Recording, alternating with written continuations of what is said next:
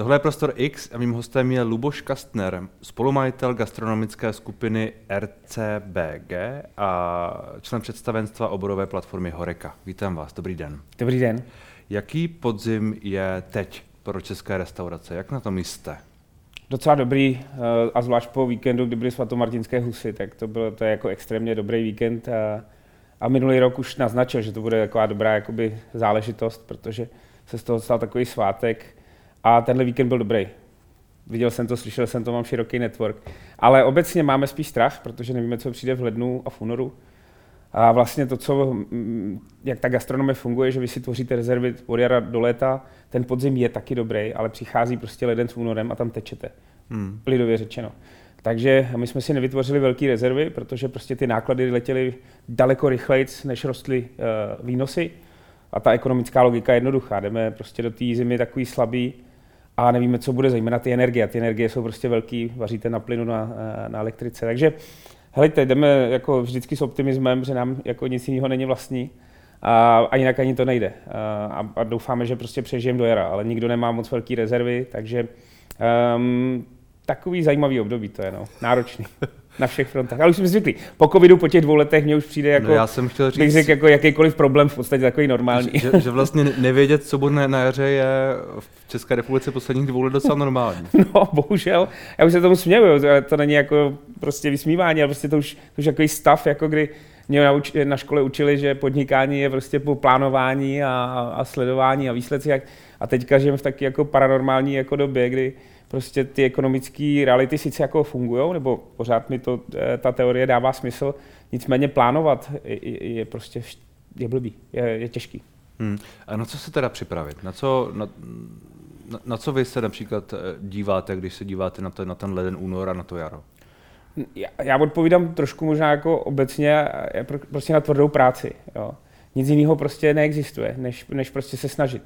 Protože když se budete připravovat na to, že že to nějak proklouznete, že tomu nějak hmm. vyklouznete, že vás to nemine a že máte štěstí a že budete mít dobrý marketing a prostě to produkt, jak to přežijete, upachtíte, to prostě to je, to, to je tak krátkodobý, že prostě fakt je to že můžete mít štěstí. Ale kdo jako si myslím, kdo bude tvrdě pracovat, prostě bude dělat ty věci správně, eh, nebo správně, co je správného, ale kdo, kdo bude dělat dobře, hmm. Eh, tak si myslím, že má daleko větší šanci než ten druhý. A teď je to o separaci těch podnikatelských teori- jako přístupů protože prostě před covidem fungovalo všechno a všem. A to, co já už říkám během covidu, že se to rozdělí na ty, když to řeknu, na tu, na tu levnou část nebo na takovou tu, tu jednodušší část a na tu dobrou část. Hmm. A cokoliv bude uprostřed, eh, tak to bude mít hrozný problém. Když nebudete ani levnej, ani dobrý, no tak už ten trh vás začne trošku selektovat a už se to začne poznávat. Takže vy si musíte rychle rozhodnout, na jaký straně budete. Jo? Eh, spousta lidí chce být na té levné straně. Hele, já budu levnej, servis jako nebude nic moc, uh, udělám to z Humakartu a prostě z překlišky, dám to takový Berlin style, ono to bude fungovat um, a založí to na vztazích. A to taky funguje, to je v pohodě. A, a pak jako musíte být dobrý. Prostě musíte mít dobrý servis, dobrý nabídky, jídlo, musíte jako se hmm. snažit opakovat a nesmíte zapomenout na to, že se neprošetříte k růstu. To znamená, vy musíte i nějaký peníze vracet a, a budovat a, a platit dobře lidi a starat se o ně hmm. dobře. Takže to je no ta dobrá strana. A tohle všechno zároveň, když ale, jak jste zmínil, ty náklady rostou, ceny energií a tak dále, eh, inflace, vstupy pro restaurace nepochybně, eh, potraviny, tak eh, jak tuhle tu rovnici dávat dohromady? No musíte pracovat s cenama, protože když zůstanete uprostřed mezi tou levnou a dobrou, hmm. tak na to nemáte a zůstanete průměrný a půjdete dolů. Takže když, když chcete být dobrý, tak musíte zdražovat. A to je ta nepříjemná stránka a do toho se nikomu nechce protože uh, gastro je jako téměř dokonalá konkurence. Jako tam to je v podstatě obor, kde se všichni střílejí do kotníků uh, cenou piva a cenou obědu a cenou jako něčeho. A vlastně ty lidi mají takový referenční pojetí té cenové hladiny. Jo. Hmm. A, když chcete, a teďka, když se ta doba začíná rozdělovat, tak vy buď se musíte vybrat, že budete levnej, ale pak všechny ostatní náklady řežete a vlastně jako ne, nejste tlačeni do zvyšování té ceny.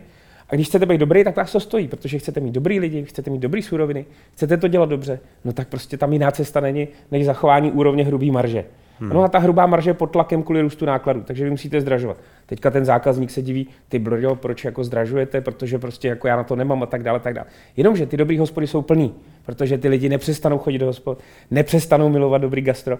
A to je jenom o, tý, o tom podnikatelském přístupu a filozofii. Jasně, že vám to nemusí být ale já téhle cestě věřím daleko víc než tý průměrný, kdy budete tak trošku jako, nebudu ani levný, ani drahý, nebudu ani zdražovat, ani, a bude to všechno jako průměrný. A v, a v době, a já jsem zažil tu krizi 2008 a zažil jsem ji hlavně třeba u piv, a ten, kdo šel prostě dolů, tak byly ty průměrné piva, takový ty, který byly prostě ustáli uprostřed. To znamená, buď šli nahoru ty ekonomy piva, které byly levný, anebo šli nahoru ty prémiové piva, anebo šli... Jste tehdy byl v plzeňském prazdroji. Já jsem byl tenkrát v plzeňském prazdroji, takže, ta, jako, takže, takže ty čísla vlastně jako kopírují v podstatě tu, nebo analogicky se vytváří, ale zároveň mluvím třeba s dotykačkou, jo, protože člověk musí mít data, aby, když něco říká, aby to měl založený na nějakých hmm. faktech. Takže tyhle data mi potvrzuje dotykačka. Prostě eh, ten, kdo je dobrý, tak je plný. Vemte si Brno, máte nový koncepty, úžasné věci. Hamburger tam stojí prostě pěti kilo. Nechci teďka jako to úplně paušálně, jako dávám to s nadsázkou a prostě jsou plný.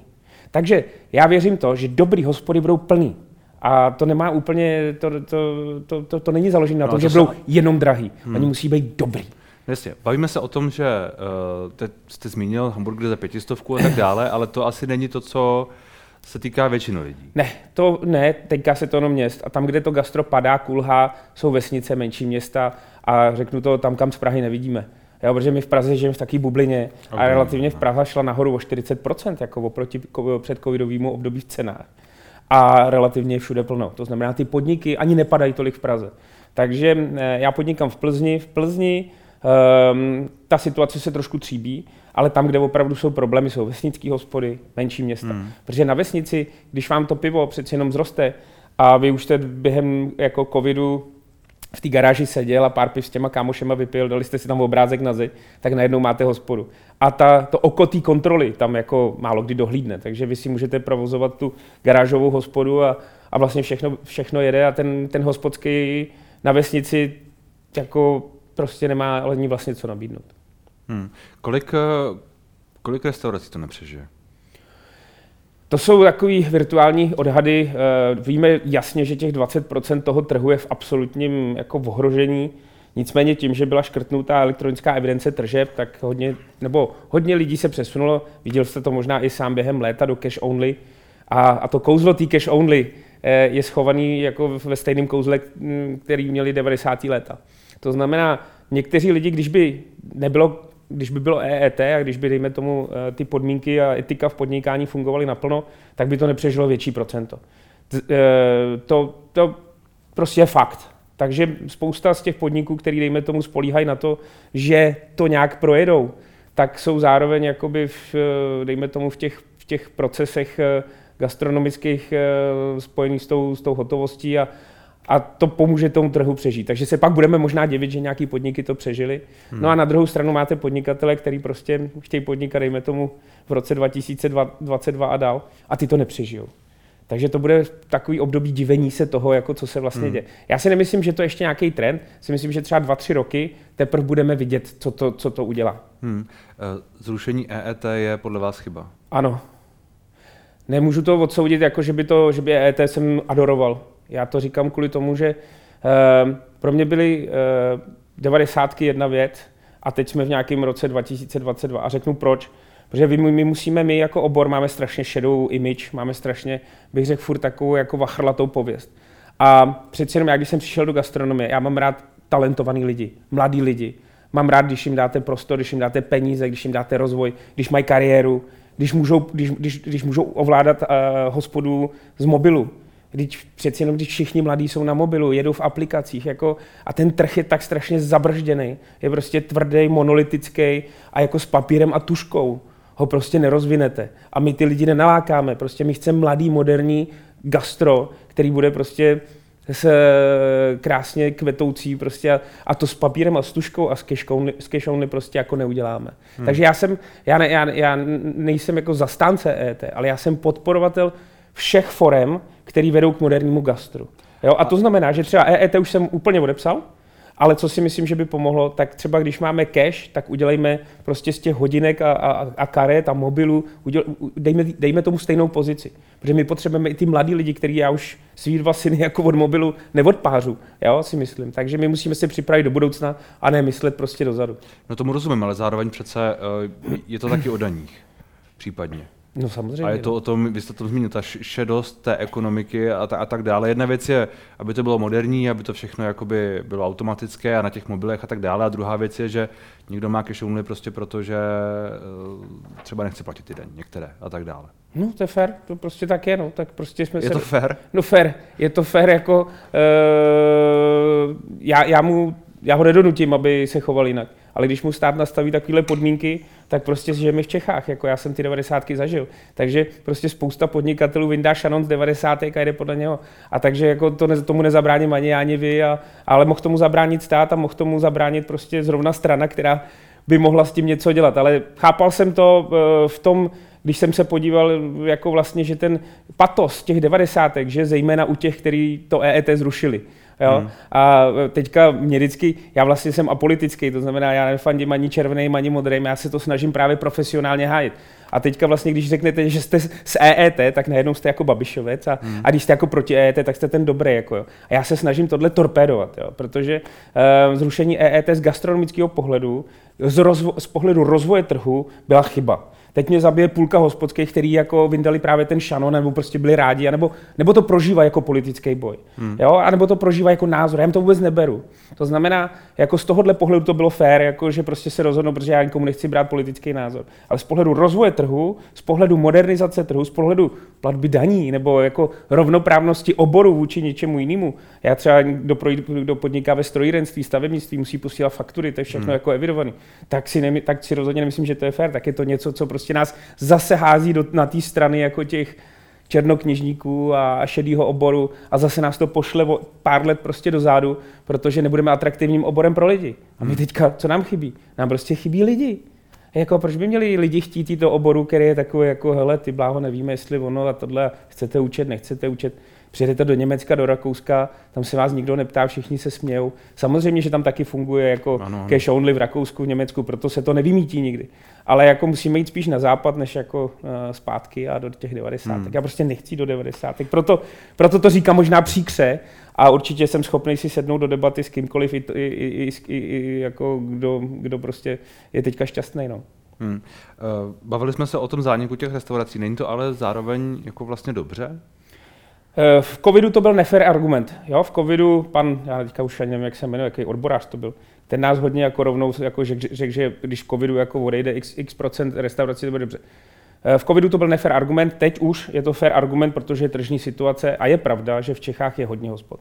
To znamená, v, Praze, v Čechách máte 10 milionů lidí hmm. a 30 tisíc hospod. V Anglii, když vezmu pivně podobný trh, máte uh, eh, 60 milionů lidí, 50 tisíc hospod. To znamená, je tady hodně hospod zejména na těch vesnicích. Když jedete německou vesnicí, máte tam jednu hospodu, když jedete českou vesnicí, máte tam tři, ještě hřiště a pak ještě asi čárno. To znamená, ten, ten trh jakoby nemůže zrovna při těch změnách, které se dějou, a to zase se vracím do svých jako ekonomických studií, jako udržet všechny. Prostě to nedává smysl. A nebo, a nebo, a nebo, tam, a nebo tam bude hrozně moc proměny. Jo, to, že se škrtlo EET, to do toho hází proměnou, která, která, kterou neumíte odhadnout ale z pohledu zákazníka, a my se musíme na to koukat z pohledu optiky zákazníka, je to, že e, se počet restaurací zmenší, cenová hladina zvýší, tak se zostří ten konkurenční boj a vy si budete moct vybírat daleko víc, protože budete mít méně peněz na útratu v restauraci. Spoustu Čechů chodilo na oběd pětkrát týdně, neřešili, ale pak vlastně se bral ten oběd, že stojí 120 korun a všichni ho jako musíme mít stejně. Hmm. Takže vlastně to, co já vidím, je, že když se ten když ta ekonomika zafunguje jak má, tak se zmenší počet restaurací, zvětší se cenová hladina, protože prostě pivo tady nemůže stát 2 eura, musí stát 4, jako v Německu nebo v Rakousku. Tím neříkám, že si to přeju, jenom prostě jako kam, ten, kam ta úvaha se, se, se vyvíjí. Pivo, A pak, pivo musí stát 100 korun? Hejte, aby ta ekonomika dávala smysl, tak musí rozhodně stát víc než 2 eura. Jo, 2 eura mm. je 50 korun. A teďka se pojďme debatovat, jestli to je desítka, nebo jestli to je dvanáctka, jestli to je hladinka, jestli to je Praha, jestli to je Kroměříž, nebo jestli to je vesnice. Všude máte jiný náklady. V Praze prostě hladinka už nemůže stát pod 70 korun. I když ještě prostě teďka všichni se snaží, protože nikdo nejí nechce přelíst. Jo. Ale ekonomicky e, e, dáváte cenu podle hrubý marže. Jo? Nedávat ji podle voka nebo podle toho, že se vám líbí zrovna 70 korun. Ale prostě hrubá marže na pivu je dvoutřetinová. Jo? To oproti jídlu nebo oproti něčemu jinému. A v době, kdy vám ty energie takhle jedou nahoru, nebo prostě vám to roste, no tak vám ta, ten přídavek té hrubé marže prostě nestačí. Hmm. To znamená, vy musíte narovnat celou tu úroveň a, a trajektorii té hrubé marže, aby vám to vycházelo. A samozřejmě musíte doufat, že nepostrácíte zákazníky. Takže ano, principiálně prostě to pivo musí jako zdražovat. Jestli musí stát 75, 70 nebo stovku, já nevím, to si řekne trh. A trh samozřejmě v, v, pivním, v pivních Čechách vám jasně řekne, co si o tom myslí. Hmm. Takže zrovna to si myslím, že stát nebude. Ale aby ta gastronomie byla jakoby um, kvalitní, tak se musí prostě dojít ke zdražení, kterým se nikdo nikomu nebude líbit. No. A je to, je to jenom ekonomický pojem, to není o tom, že si to myslím, že to chci, prostě hmm. to je ekonomie, tam nic jiného ne... A vy jste tedy de facto řekl, že restaurací je moc a tak dále a že, že to, v čem jsme teď, takový to, takové to hrubé síto, řekněme, tak povede k tomu, že restaurací bude mín, že, že služby budou dražší a kvalitnější a lidi prostě budou chodit mín do těch restaurací, ale budou platit víc a bude to lepší protože si budou moc vybírat a oni budou mít méně peněz. To je to, co říká makroekonomika. Jakoby, no, oni budou mít stejně peněz, ale všechno bude dražší. No, reálně budou mít méně, méně peněz. Ne, jasný. Reálně si myslím, říkáme, že budou mít říkáme méně. oba to samé de facto. Tak, reálně budou mít méně peněz, budou je více uvažovat, jak je budou rozdělovat. Hmm. To znamená, budou si vybírat, kam, kam půjdou. A někdo bude chtít chodit zachovat tu frekvenci, tak si bude muset vybrat levnější sektor. Někdo bude možná přemýšlet, že si bude chtít ten zážitek jakoby trošičku uh, jakoby užít, tak bude chodit třeba méně často, ale jakoby udrží si ten standard. To znamená, na tom, ale co se sníží, je frekvence, když to řeknu, účtu. To znamená, ta frekvence těch účtů na tom trhu prostě neudrží jako úplně hmm. všechny. Jo? Takže já si myslím, že se sníží frekvence transakcí, hmm. to znamená frekvence toho, jak lidi chodí do gastra, že se zlepší kvalita, nebo kvalita, to je, to je subjektivní, že se zlepší rozhodování o tom, kam, kam půjdu a to rozhodování bude založené na tom, že buď půjdu spíš do toho levnějšího, a nebo půjdu do něčeho, co mi vyváží ten, dejme tomu, ten zážitek. Hmm. A bude opravdu těžký pro ty průměrný, který budou ani levný, ani možná pěkný, ani dobrý v servisu, tak pro ty to bude nejtěžší. A tam je, ten, tam je, tam je ta masa těch, kteří jsou nejvíc ohrožený. Jo? A, a, jsou, a jsou víc mimo Prahu, jsou víc na menších městech, a je to, je to víc mimo, je to prostě víc mimo Prahu. Tak tohle ale obecně je asi problém, jak jste řekl, který prostě postihne víc regiony, Prahu tolik ne, nebo velká mhm. města, hmm. nevím, Plzeň tak. asi taky tolik ne, Brno asi taky tolik ne, ale hmm. nevím, uh, někde v Ústeckém kraji, v Libereckém hmm. kraji, v Karlovarském kraji, tam asi prostě hmm. lidé budou daleko víc šetřit, tam těch transakcí bude ještě méně, možná potenciálně. No, právě proto mi to přijde hrozně vlastně... A co, s tím, co se s tím tedy dá dělat? Nebo co s tím může dělat, nevím, Horeka, oborová organizace, nebo jako rozumíte? Hmm. Helejte, uh, s trhem oborová organizace jako udělá málo co. Hmm. My jsme se snažili hodně oborově eh, jakoby zastupovat ten obor během covidu. To byla prostě jako situace, kdy prostě musíte jít na barikádu a hájit se, protože to prostě mnoho z těch věcí nebylo fér. Teď jsme jako v tržní situaci, protože prostě válka na Ukrajině, roste cena a to roste pro všechny. Jako, když vidím, co se děje ve strojírenství, stavebnictví, prostě v jiných oborech, tak my nejsme jako solo kapři. Um, a prostě to podnikání je takový riziko. Jo, to znamená, eh, my jsme uh, hajili a respektive jsme chtěli, aby vláda se zachovala alespoň přístupově jako jinak, než jako, že budeme mlčet a že s těma energiemi nic dělat nebude. Jako přinutit ministra průmyslu a obchodu, aby vůbec jako zauvažoval o něčem, to byl, to byl fakt jako hrad v Karpatech, nedobytný. Jo? A, a přinutil ho de facto jako opozice, aby něco začal dělat. A, a přitom si ho vážím, jako já si myslím, že to je chytrý chlap, prostě, je, ale, ale vzal to hodně bankérsky, jako jo, tu, tu pozici. Jo, že pan Síkela. Pan Síkela. A, a Chcete se bavíte o nějakých jako zkušenostech z jednání s ním? Nebo... Z jara, ano, my jsme se už pod zimu, my už jsme v podstatě na to upozorňovali během zimy a když jsme třeba chtěli dojednat třeba ten kompenzační balíček, už za nový vlády během únoru, což byl ještě spojený na covid, tak tam jsme měli velmi tvrdý jednání. Jako jo. Ta, ta retorika byla hodně taková, jako nejsou peníze na nic, nic nebude, zvykněte si na novou uh, realitu. A do jisté míry to takhle musíte vzít. Jo. Jako, vy musíte vzít, že je nová realita, že prostě ten hmm. trh je a já si nemyslím, že to je něco jako špatného. Jako prostě ten trh takhle funguje a um, ten trh, si, ten trh za, za vás zařídí jako hodně. Prostě bude to tržní situace. Mně spíše jako, já, mně přijde, že já mluvím dost jakoby vlastně otevřeně, eh, a ty ostatní to moc nechtějí slyšet. Když to řeknu třeba hospodskýho na vesnici, co jsem komu udělal, proč teďka já musím to jako odskákat a proč musím zavřít. Hmm. A, to je, a, to je ta, a ta, to je emočně jako šílená situace. Jo, takže on jako chce pomoc, možná spolíhá na pomoc jako od nás nebo od eh, jako někoho, že mu něco pomůže, ale jako my neumíme pomoct úplně té situaci a je to tržní situace. Na druhou stranu vy sám zmiňujete tu vládu. Eh, to, ten přístup, který je teď, jste s ním už uh, spokojenější nebo spokojený? Já nebudu spokojený nikdy s vládním přístupem, jako asi z jakýkoliv vlády, protože to už by bylo jako, to, to nevím, jaký by musel nastat situace. Um, ani to není o tom, jestli jsme spokojení nebo ne. My musíme mít hlavně dlouhodobější agendu. Jo, my nemůžeme skákat z jedné věci na druhou. To znamená, pokud hájíme obor, tak my potřebujeme třeba vědět, co se stane se spropitným, na který upozorňujeme už dva roky, protože to je prostě černý cash. Co to znamená, co se, co se stane? Uh, legalizace spropitného. My chceme, aby nastala legalizace spropitného, aby nastal proces, který uzná spropitný jako legální příjem zaměstnanců. Aby prostě, když jdou do banky, aby jim uznala uh, to, že mají určitý příjem, který mu do jisté úrovně se dá plánovat. A to je velký téma protože to najednou pomůže lidem jako zauvažovat, hele, tak já už nebudu mít prostě určitý část jako toho příjmu jako černýho. Budu si moct koupit byt, budu si moct koupit auto, budu moct být jako takový rovnocenější jo, jako těm ostatním zaměstnancům. Protože když jste úředník a sedíte v kanclu, tak jako vám přijdou všechny peníze. Možná nedostáváte teda spropitný, ale zrovna to spropitný jako e, by bylo dobrý. Takže to jsou, to je jedna věc. Potřebujeme flexibilnější pracovní dobu. Prostě ten náš trh se tak mění, je tak dynamický, že my potřebujeme víc najímat lidi flexibilně. My už nejsme stavění vlastně po tom covidu na to, aby jsme zaměstnávali všechny na ten krátký, dlouhý hmm. a, a, a prostě na tyhle ty. My třeba nás ten trh dožene, že budeme muset jako přes poledne zavírat, budeme muset jako mít víc jako um, flexibilnějších úvazků, to najednou se moc úplně jako nerýmuje, takže to je, to je, to je tady ta oblast. Daňová. Eh, proč máme mít furt jinou sazbu na takeaway a na, na, na to, co se skonzumuje vevnitř? Jako ta služba je stejná a jenom kvůli tomu, že prostě a ten covid jako nám do toho zasahnu.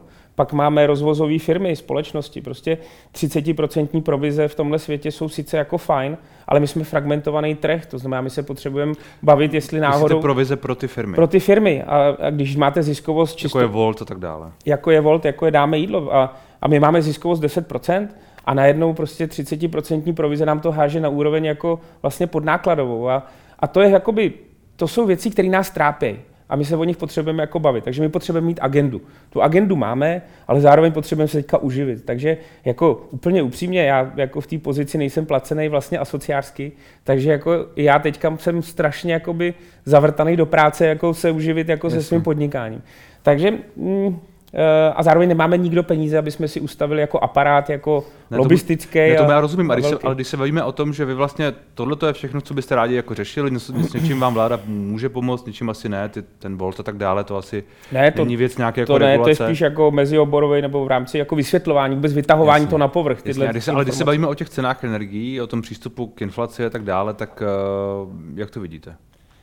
No, první věc, která už se stala, je zastropování, který přijde jakoby od nového roku. To znamená, tam si myslím, že se povedlo jako domluvit aspoň, aspoň nějakého dílčího, uh, nějakýho, nějaký dohody, ale tam je to spíš o tom, že ta vláda vám řekne prostě, hele, ne, je konec, jako tady je finální zastávka, nejednáme. No tak co vám zbývá, nevím, jako jít na, na, na ulici s transparentem nebo házet kamínky do oken, jako já už nevím, jako co, co legálního, nebo jako tam už vám nikdo jiný nedá ani další meeting jako jo, na tohle téma. Už je zavřeno. Jo, prostě je zavřeno. No tak můžete... A, a je to možná pochopitelné, ne? Jakoby vlastně ta... Musíte se s tím srovnat, no je to pochopitelný. Tak kdybych tam seděl já a prostě furt mi někdo klepal na dveře, že chce pomoct, no tak to taky zavřu asi možná někdy. Jako, jo. Takže musíte, takže já třeba osobně u sebe balancuju ty, ty dva pohledy jako kdy vlastně e, jako už tam člověk musí jít, jako jo, nebo prostě my se musíme srovnat s novou realitou. To je, tam prostě nic jiného není. A proto říkám, že se musí, že ten, kdo chce zůstat na tom trhu, tak si musí vybrat i nějaký cestičky. Hmm. Protože už vlastně ty podmínky se mu nezmění. Jo, takže je to takový, jak vlastně e, se srovnávají lidi i podnikatele s tou novou realitou. A ono to tvoří emoce. Jo, a ono jen vám trvá, jako to už musíte být nějaký typ jako člověka, abyste si ty emoce odseparoval od toho, že ta realita už bude nějaká jiná. Hmm. Mně v tom hodně pomohlo, že jsem studovaný ekonom a že jsem studoval krize ekonomický a tak dále. A vždycky máte nějaký emoční šok jako ve společnosti, v podnikání. Prostě lidi chtějí, jako nechtějí zůstat najednou. Všichni chtějí být úspěšný. Že jo? Všichni před, před covidem všechno běželo, že jo? To jste si založil startup, podnik, tohle a vyprávěl jste, prodával jste myšlenky a tohle. Najednou tohle je disrupce, která vyhodila spousta lidí ze sedla. No a najednou jako některý sny skončili, některý začínají. Hmm. A, a to, je, to je náročný pro emoce. A vidíte, že i ty emoce v té společnosti jako taky nejsou jako úplně jako klidný. No to je eufemisticky řečeno. No. Je teď podnikání v gastru náročnější? Jakoby výrazně než uh, třeba před tou covidovou dobou? No já, já nejsem úplně ten pravý, protože já jsem před covidovou dobou společně se společníkama začal. My podnikáme pět let. Takže začátek podnikání eh, byl pro nás jako vesměs eh, jako brutální. A vlastně pak jsme přešli, a když jsme si mysleli, že už jako vlastně uh, už stojíme na těch nohou, tak přišel covid. Takže takže my jsme jenom skočili do stejného módu, hmm. takže jako my pět let jedeme jako fakt jako... Pětiletá krize. Pětilet, v pětiletý krizi a vlastně nás začala bavit, jo, protože hmm. když to řeknu našem podnikání, my jsme objevili spoustu nových možností a hlavně se snažíme nebejt na gastru závislí. Protože v tom gastru eh, to není, to, to, to, to bude strašně těžký, protože to, co jsem vysvětloval, ty dvě cesty, tak ten spotřebitel vám nepovolí jít s tou cenou nahoru. Prostě já o tom sice mluvím, že je to potřeba, ale ten host vás nepustí. Ten host vám řekne, že tohle už je drahý, že tohle už ne. No a takhle vás bude dobíhat ty náklady, náklady, náklady, no tak co vám zbyde, je rozpouštět zisk a nebo jít do nějakých jako věcí, které jako jsou spojené s těma 90. A to třeba nechcete úplně. Hmm. Um, takže, to, to, takže jako podnikat v oboru, kde není ziskovost, no tak to je jasný, tak prostě podnikatele začínají, začínají hledat jiné alternativy. To je taky v ekonomii popsané. Takže nic nového se neděje.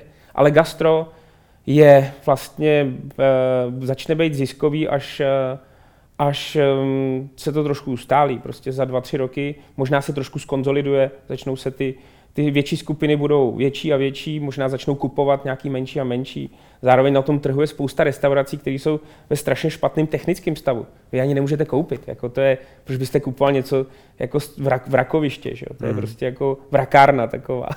Takže vy, když něco chcete koupit a zlepšit to, no, tak do toho musíte nainvestovat. A proč byste investoval jako do něčeho, co máte jako velmi nejistý. Takže na tom trhu chybí jistota, zároveň nemáte bariéry vstupu, pouští se do toho kdokoliv, vlastně do gastra, že jo? Jako když chcete eh, dělat v nějakém oboru, jak musíte mít nějakou licenci nebo nějaký vzdělání nebo nějaký přístup, to u nás nefunguje. Vstup, vstup eh, do toho oboru v Čechách je poměrně jednoduchý. Absolutně, vlastně je bez bariér, bez žádných, jako vlastně bez ničeho. Hmm. Hmm. Jo?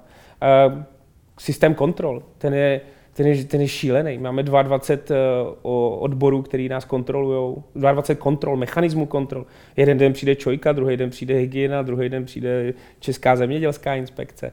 Takže uh, to není veselý obor. Jako. A zrovna přijde v době oběda, kdy potřebujete servírovat. Takže ty státní úředníci jako z nás uh, vlastně ani nevnímají moc jako partnera. Jo. To bylo by vidět během covidu, prostě nařízení. A, ale jako já jsem vlastně Eh, společně s kolegama se dobouchával i prostřednictvím médií do těch jako úřadů. Jo. Tam vlastně s váma nikdo moc jednat úplně nechce. Hmm. Je to hmm. takový šmucík obor, který, který, eh, který ne, eh, moc veselosti teďka nepřináší. No. Hmm. Ale samozřejmě, když máte dobrý koncept, máte dobrou skupinu, uh, jedete, tak prostě máte i v této době možná jako radost toho, že můžete něco dalšího otevřít. Protože já bych, to, já bych jako gastronomii věřil jo, jako oboru. Ta tady byla vždycky. Prostě do budoucnosti věřím. Hmm. A, a, když vidím, já jsem hodně prostě dělal export, dělal jsem, dělal jsem, uh, lítal jsem po světě, tak prostě když máte fantastický koncept a jste v Londýně, jste, jste ve Stockholmu, jste v Anglii, jste v Austrálii, jste v Americe, tak to je obor, kde můžete vydělat opravdu jako velký peníze a můžete se stát jako relativně i slavným, protože ono ta celospolečensky jako vás jako jste zajímavý obor. On říká, hmm. ty máš restauraci, jak to A každý chce, jako, je to takový obor, který má bohatý, košatý emoce. A Instagram, že jo, prostě celý Instagram je o jídle nebo o pití, že jo, prostě kde kdo pařil nebo tak. Takže ano, ono to přináší uspokojení, je to těžký biznis, zejména protože zaměstnává hodně lidí. A, a, a teprve jako to, co já vidím do budoucnosti, ale až tak opravdu 3 až 5 let, my budeme muset hodně mm, digitalizovat. My třeba u nás ve firmě jsme vymysleli systém na vnitropodnikový řízení gastra. Hmm. A, a v to věříme. Jo? Protože prostě ho budeme moct třeba prodávat, licencovat, dávat jako, jako aby ty ostatní si mohli zlepšit pr- jak řízení svého podnikání. V takovéhle věci já věřím. To znamená, možná budete muset zaměstnávat méně lidí. Uh, možná budete lepší ve finančním plánování. Jo? Budete lepší ekonom. Takže pro mě jako do budoucna je klíčem jako je profesionalita. jo, profesionalita. Prostě hmm. opak té tušky a papíru. Prostě pro mě to jsou dva světy. Tuška, papír, anebo profesionalita. Hmm. A ta je těžká, bolavá, drahá, e, náročná a jdete furt do kopce a nikdy, nikdy nekončíte. No tak všichni si to nevyberou, že vy, jste, vy jste zároveň po roce v soutěži Beermaster. No, a to mi udělal velkou radost teda. Jo? Proč? No, protože jsem jako viděl obrovskou jako naději, em, jako krásné emoce a vlastně, jak bych to řekl, jako úplně takový svět, prostřednictvím kterého já jsem se vrátil jako skoro až na ty kariérní začátky, kdy jsem se zamiloval do piva, do gastra, do, do toho všeho, co je kolem dokola. Jo, to je, to je jako košatý, nádherný strom, který vám vás uspokojuje vlastně ve všech oblastech. Protože to pivo, jako samozřejmě ležák, my jsme země ležáků a, a rozumíme mu, pijeme ho prostě. A najednou vy potkáte jako mini pivovarníky, lidi, který to zajímá a který objevují, žijou tím, mají vášeň, jo. Hmm. A mají energii, ty bláho, co bych tady jsme mohli sedět celý den vyjmenovat, ale prostě jsou je to prostě jako nabitý emocema. Takže to je jedna z těch věcí, která mi bavila, protože eh, to pivo je nádherný produkt eh, do budoucna. Ono je takový jako možná nemoderní úplně, nebo prostě pořád jako má takový hmm. svý, jako že neumí moc nalákat ženy, neumí moc nalákat, jako že by furt je takový hospodský produkt, ale to pivo zrovna v Beermasterovi ukázalo, že může být prostě od fine diningu po hospodu, po prostě ten produkt jako ty, ty chutě piva umí prostě bavit jako celou gastronomickou, celý gastronomický spektrum. A já jsem byl nadšený, jak jsem strávil prostě ten čas s těma lidma, tak uh, tam je i taková zemitost, taková hmm. autenticita, takový jako přirozený dobrý nálady, ale přitom to bylo hrozně pozitivní. Takže já jsem si to užil, to jste mi připomněl, bych řekl, jako hrozně hezký zážitek vlastně v tenhle rok.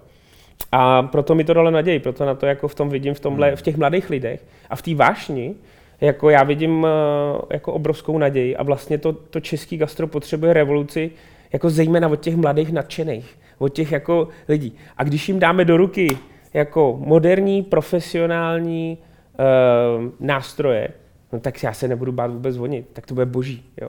A v Brně už to trošku vidíme. Jo. Hmm. Ale dost často ty mladí lidi kapou na tom, že prostě se chytnou do těch pastí, který jako, uh, kterým se vyhli někdo, někdo před nimi. Jo. Takže jenom na vášni. Jdou slepou uličkou nějak. No nebo, nebo prostě neřídí ty finance, nebo spolíhají, jasně, jako, jasně. Že, že, to nechtějí dělat, protože ono, to podnikání v gastro je o disciplíně, jako o tom, že to musíte udělat. A ono jako přehazujete hodně velký peníze velmi rychle a zapomínáte, že musíte mít nějaký rutiny, že musíte mít nějaký hodnoty, že musíte nějak řídit lidi a tak dále, tak dále. Takže jako ta vášeň je hrozný driver, velký driver, ale e, nesmíte zapomenout na to, že to auto má prostě volant kola, všechno a musíte, musí, hmm. být, musí, být, musí mít ty brzdy. Jako. Dobrý. Tak uvidíme, jestli se to vaše, ten váš optimismus do budoucnosti, uh, jestli se to propíše někam. No, to bude zajímavý, no. ono, já občas s ním jako pesimistický, ale vlastně jako jste ne, to já, řek... myslím, že, já myslím, že ne. Já myslím, že je to takové jako no, mix. Tak jsem rád. No. Díky za rozhovor. Není za co.